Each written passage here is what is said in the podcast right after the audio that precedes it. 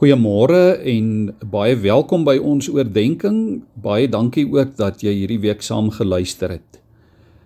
Ek lees vanoggend vir ons uit 2 Korintiërs hoofstuk 11 hier van af vers 23.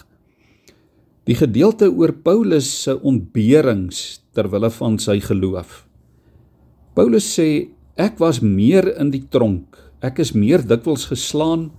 Ek was dikwels in doodsgevaar. 5 keer het ek van die Jode die gebruikelike straf van 39 houe gekry. 3 maal het ek lyfstraf gekry. Eenmaal is ek met klippe gegooi. 3 maal het ek skipbreek gely. Eenmaal het ek 'n dag en 'n nag in die oop see deurgebring. Ek was dikwels op reis in gevaar. Daar was gevare van riviere, gevare van rowers, gevare van my eie volksgenote gevare van heidene, gevare in die stad, in die veld, op see en onder vals broers. Daar was vir my harde werk en swaar kry. Dikwels nagte sonder slaap, dikwels honger en dors, dikwels was ek sonder kos, sonder skuilings of bedekking teen die koue.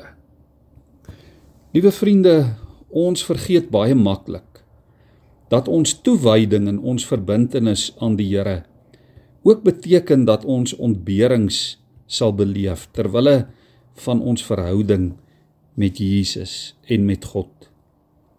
As 'n mens jou lewe bou op jou beginsels, dan is 'n groot deel, 'n groot persentasie van jou keuses is reeds vooraf gemaak.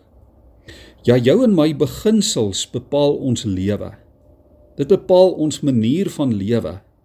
As jy aan die Here toegewy is, dan gaan dit jou manier van lewe beïnvloed en ook die keuses wat jy maak. Paulus het al hierdie dinge beleef, dit ontbeer, maar dit het nie sy geesdrif, sy liefde vir die Here gedemp nie.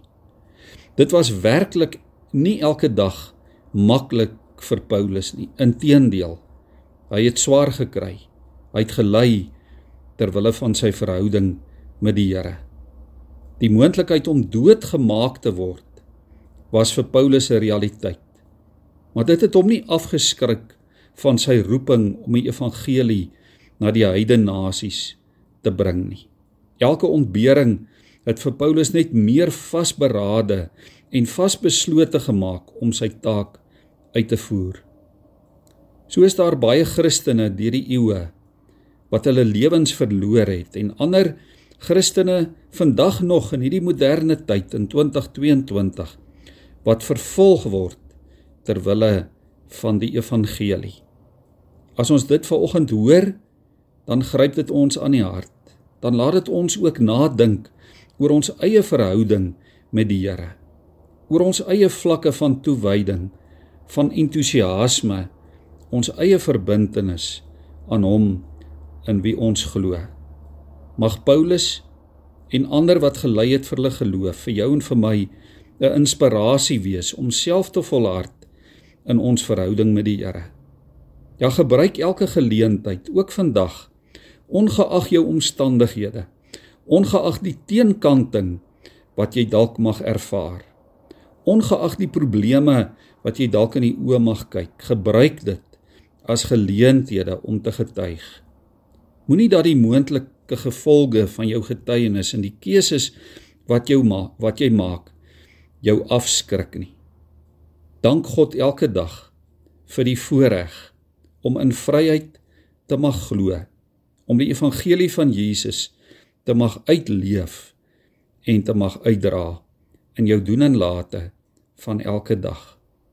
Kom ons buig ons hoofde so in gebed voor die Here. Here ons bely vanmôre dat ons dikwels swak is in geloof. Ja Here, dat ons so dikwels terugduins vir uitdagings. Here maak vir ons innerlik sterk om met vrymoedigheid te getuig. Ja Here, om altyd te onthou dat U 'n duur prys betaal het vir ons verlossing. Dankie Here dat ons ver oggend kan weet dat niks ja selfs nie vervolging of teenkanting ons uit u hande kan ruk nie. Here, rus ons toe met u Heilige Gees en met u woord om ons in volle oorgawe aan u te verbind, te verbind aan die verkondiging, die uitdra van u lewende woord. Amen.